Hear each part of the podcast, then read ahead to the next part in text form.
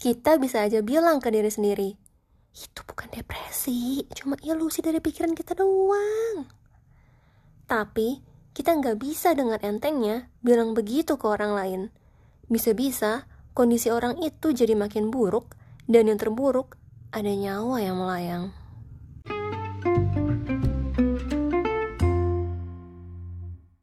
Halo, aku Jojo dan juga Joan. Ini adalah podcast yang berisi tentang pembicaraanku dengan diri sendiri. Podcast ini juga terhubung dengan akun Instagram Joan Octaviani. Tanpa berpanjang lebar lagi, kuucapkan selamat datang di dunia Jojo dan Joan. Aku sendiri sebetulnya nggak tahu Joan, apa itu yang disebut depresi. Dan apakah yang pernah ku alami dulu itu udah termasuk depresi atau belum? Aku pun nggak tahu. Hmm, aku juga begitu sih Jojo. Secara teori mungkin tahu. Ya kesimpulanku dari berbagai sumber sih, depresi itu gangguan suasana hati. Kita sedih berkepanjangan, nggak peduli soal apa pun lagi. Semuanya kayak yang kosong aja gitu kan. Tapi ketika mengalaminya sendiri, aku nggak bener-bener tahu apakah perasaan kosong itu nyata atau justru cuma permainan pikiran kita doang. Tanpa sadar, kita terus mencari alasan supaya label depresi itu tetap melekat pada kita. Ibaratnya nih ya Jojo, kita ini seorang koki yang lagi lapar, lalu mengandalkan orang lain untuk bikin kita kenyang kita menyodorkan mangkuk kosong supaya diisi oleh orang lain. Tapi tiap kali orang mau isi mangkuk itu dengan makanan, selalu aja kita nemu kekurangan. Bahkan tanpa sadar, yang pertama kita cari itu kekurangannya. Kita terlalu mencari kesempurnaan gitu. Gak heran kalau kita nolak terus. Kayak misalnya, si A mau kasih kita udang asam manis Aromanya enak banget, tampilannya juga menarik. Apalagi udang tuh makanan kesukaan kita. Bikin tambah lapar pokoknya. Tapi setelah dilihat-lihat nih, itu udang punggungnya nggak dibelah. Terus kita bilang, ah enggak, enggak, enggak, enggak, enggak. Itu udang nggak sempurna, nggak sesuai sama standar kita. Akhirnya kita tolak deh. Cari lagi ke yang lain. Sekarang ke si B nih Si B mau kasih lontong kari, pakai daging sapi lagi, yang lebih kita suka ketimbang ayam. Potongan daging sapinya banyak, lontongnya juga kelihatan pulen, ada sambal, bawang goreng, pokoknya lengkap. Tapi, menurut kita, kuahnya kurang berminyak. Terus kita tolak, Joan. iya, kita tolak. Celakanya nih, itu terus berulang Jojo. Alasannya karena nggak ada yang sesuai sama standar kita. Bener. Belum lagi kalau ada pikiran kayak gini. Kita bisa kasih masakan yang terbaik buat orang lain. Tapi mana nih? Orang lain gak bisa apa kasih yang terbaik juga buat kita. Mana nih imbal baliknya? Gitu. Padahal jawabannya sederhana kan? ya masak aja buat diri kita sendiri. Maunya apa? Bikin, manjain diri sendiri. Mulai kebayang gak sih Jojo? Jadi sebetulnya itu benar-benar cuma pikiran kita yang terus mencari celah untuk ngebuktiin ketidaksempurnaan di dalam segala sesuatu. Jadi yang gak heran kalau gitu. Pikiran kita yang terus menuntut kesempurnaan ini nih, ngebuat kita ngerasa gak pernah puas orang lain tuh nggak serius mau kasih makanan ke kita orang lain tuh nggak benar-benar peduli sama kita. Seolah-olah begitu. Dan kita mikirnya begitu terus. Kita selalu berpikir kita adalah korban dari segala sesuatu. Kita adalah satu-satunya korban dari setiap kejadian buruk yang terjadi dalam hidup kita. Dan kita yang paling butuh bantuan orang lain. Hmm, kebayang sih aku Joan. Analoginya emang sederhana banget. Dan mungkin pola pikir ini emang gak akan cocok untuk semua orang. Karena ya seperti yang udah kita tahu juga, depresi itu emang beda-beda penyebabnya. Ringan atau beratnya pun beda-beda. Bener banget Jojo.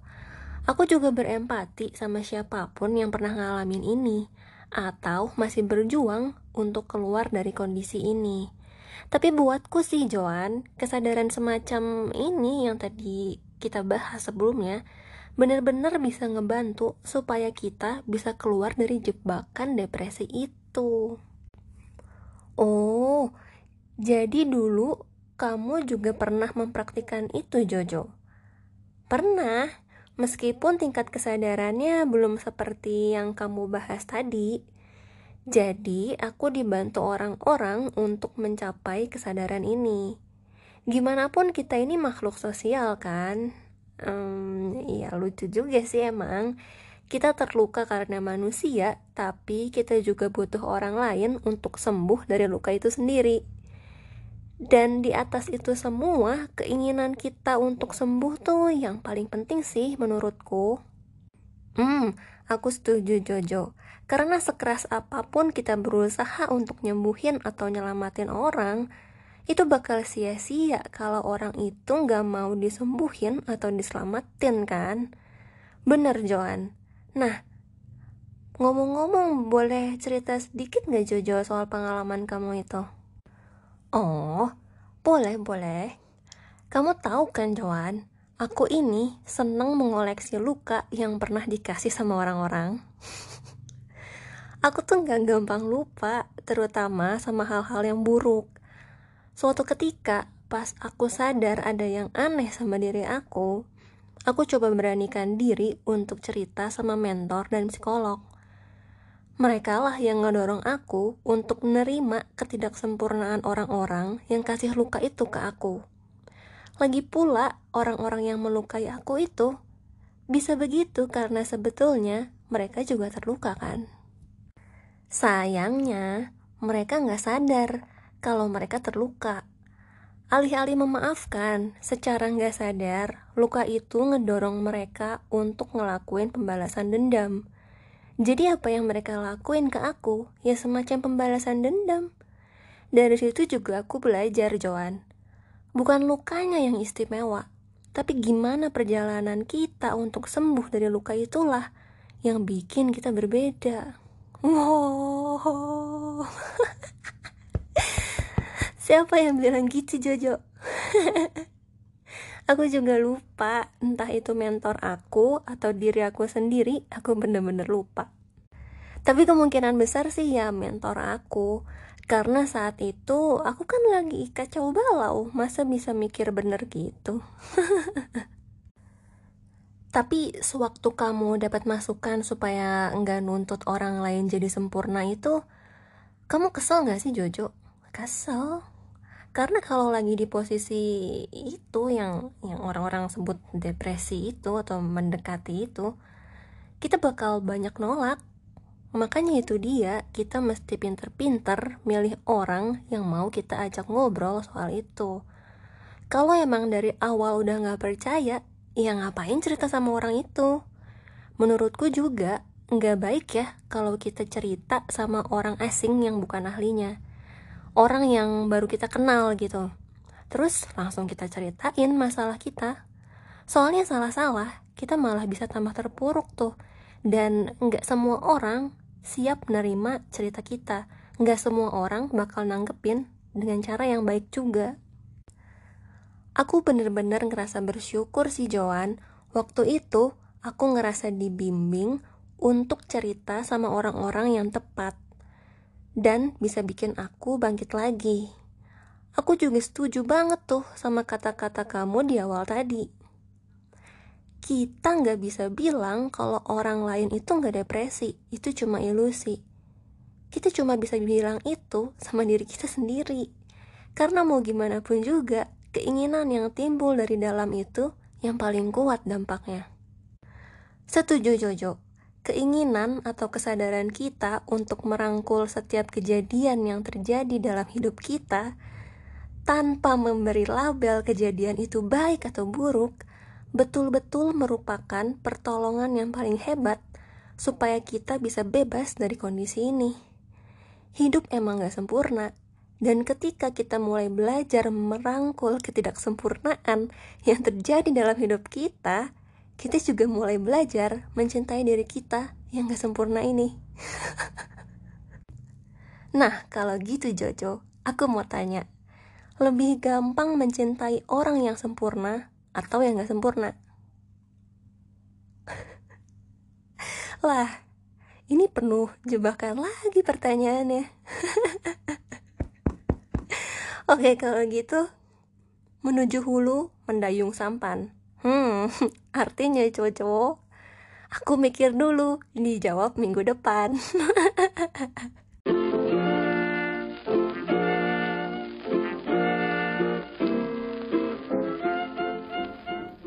Dengan demikian, Jojo dan Joan pamit. Terima kasih udah mau meluangkan waktu untuk dengarkan obrolanku dengan diri sendiri. Maafkan kalau ada salah kata yang membuat kalian ngerasa gak nyaman. Kalau kalian suka dengan obrolan kami kali ini dan merasa bermanfaat, boleh follow dunia Jojo dan Joan atau bantu bagikan podcast ini ke media sosial mana pun yang kalian mau. Terima kasih sekali lagi. Semoga kalian dapat berkat tujuh kali lipat dari biasanya. Bye bye.